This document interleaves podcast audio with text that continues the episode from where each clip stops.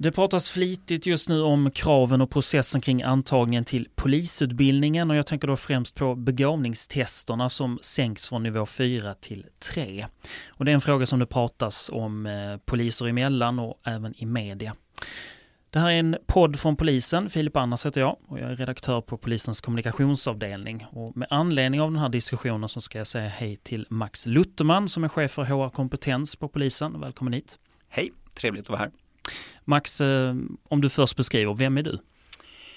Eh, jag har arbetat som polis i 26 år, i huvudsak i Stockholmsregionen med eh, operativa frågor, en hel del internationella frågor och idag så är jag chef för enheten som heter HR-kompetens. Och vad gör HR-kompetens för någonting? HR-kompetens Kompetens eh, jobbar mycket med utbildningsfrågor och det handlar om styrningen av grundutbildningen.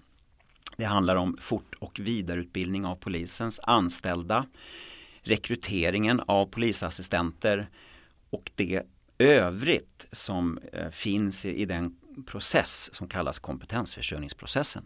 Mm. Men hur ligger det egentligen till med begåvningstesterna och antagningskraven till polisutbildningen? Alltså har kraven för att bli polis sänkts? Kommer poliserna bli dummare nu? Nej, poliser är inte och poliser kommer inte att bli dummare.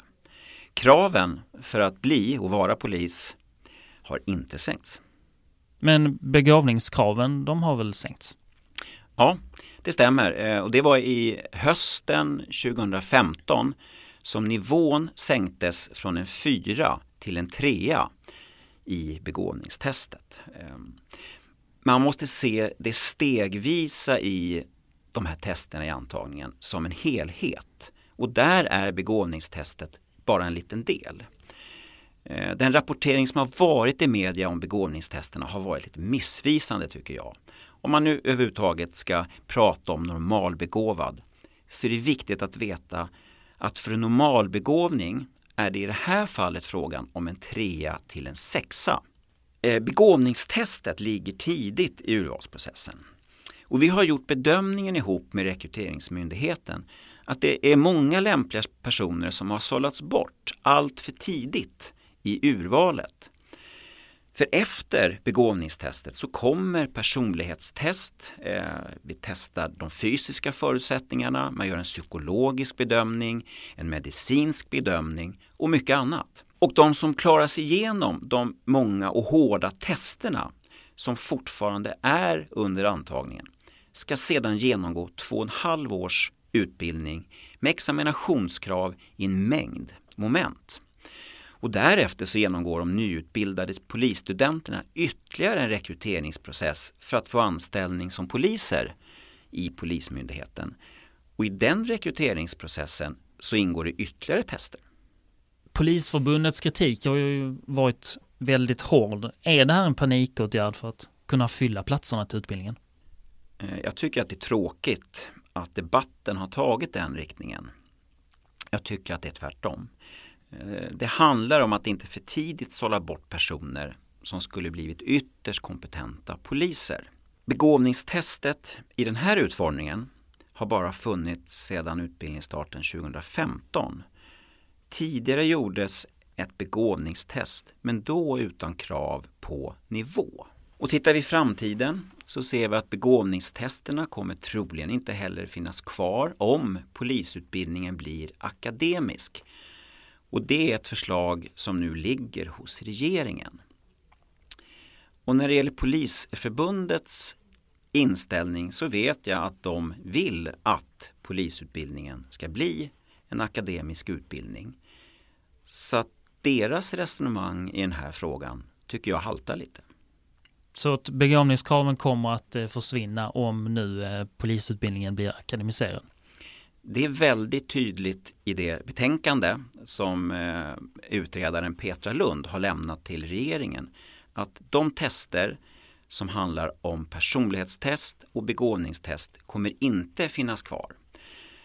Men vi kommer ha kvar andra tester som fysik, eh, medicin, psykolog, psykologbedömning. Så att i stort sett ser det ut som idag förutom att man inte har begåvningstest eller personlighetstest. Men du, det är ju extra många platser som ska fyllas på utbildningen. Ja, men det stämmer. Det, det är många platser som ska fyllas nu. Vi behöver många poliser och också andra kompetenser inom polisen. Vi gör en ambitionshöjning och kommer att öka antalet poliser i Sverige. Eh, och vi kommer också behöva göra en hel rad olika åtgärder för att kunna rekrytera, utbilda och ta emot och kunna behålla duktiga polisanställda som har en mängd olika kompetenser som krävs i det komplexa och viktiga uppdrag som polisen har. Är det svårt att få sökande till polisutbildningen? Till kursstarten våren 2017 så har det sökt 8382 personer. Och de är inne i den sökprocessen för den pågår just nu och fortsätter under hösten. Och tittar vi fem år tillbaks så ser vi att i snitt så är det ungefär 6800 som söker per omgång. Eh, det är så att vi antar en omgång varje halvår så att det är en återkommande process. Så nej, jag tycker inte att det är svårt att få sökande. Men eh, det gäller också att vi får rätt sökande som har bra förutsättningar att bli och arbeta som poliser. Men du, hur bestäms det vilka antagningskrav som ska gälla då? Kraven och processen för antagningen är någonting som vi justerar och utvecklar hela tiden. Eh, det är samhällsförändringen och verksamhetens behov av en ny sorts kompetens. Men även forskning som spelar in i det eh, utvecklingsarbete. Rekryteringsmyndigheten och Polismyndigheten samarbetar nära. Vi har ett mycket bra samarbete. De har en, en väldig specialistkompetens inom just det här området. Och vi har en av våra regionpolischefer, Ulrika Herbst, som också sitter i Rekryteringsmyndighetens insynsråd.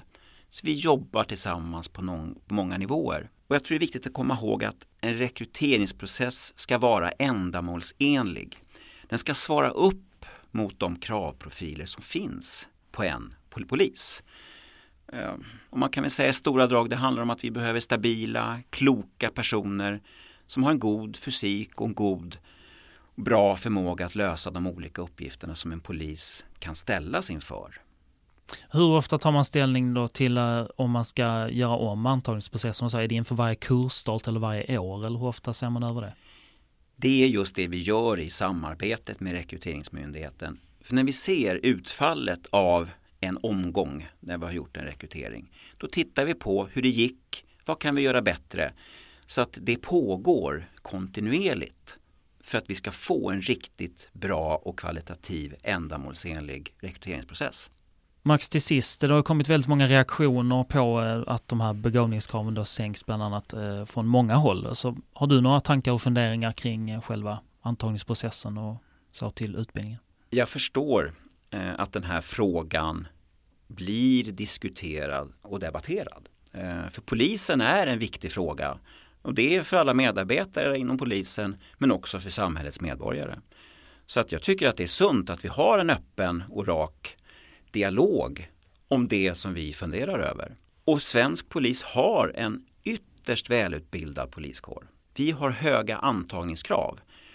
Och gör man jämförelser både nationellt och internationellt så ligger vi på en hög nivå. Och det kommer vi fortsätta att göra i framtiden. Och min bedömning är att vi kommer även att göra det om vi går in och blir en högskoleutbildning enligt det förslag som ligger hos regeringen. Max Lutterman, chef för HR kompetens eh, på polisen. Tack så mycket för att du kom hit. Tack, trevligt att vara här.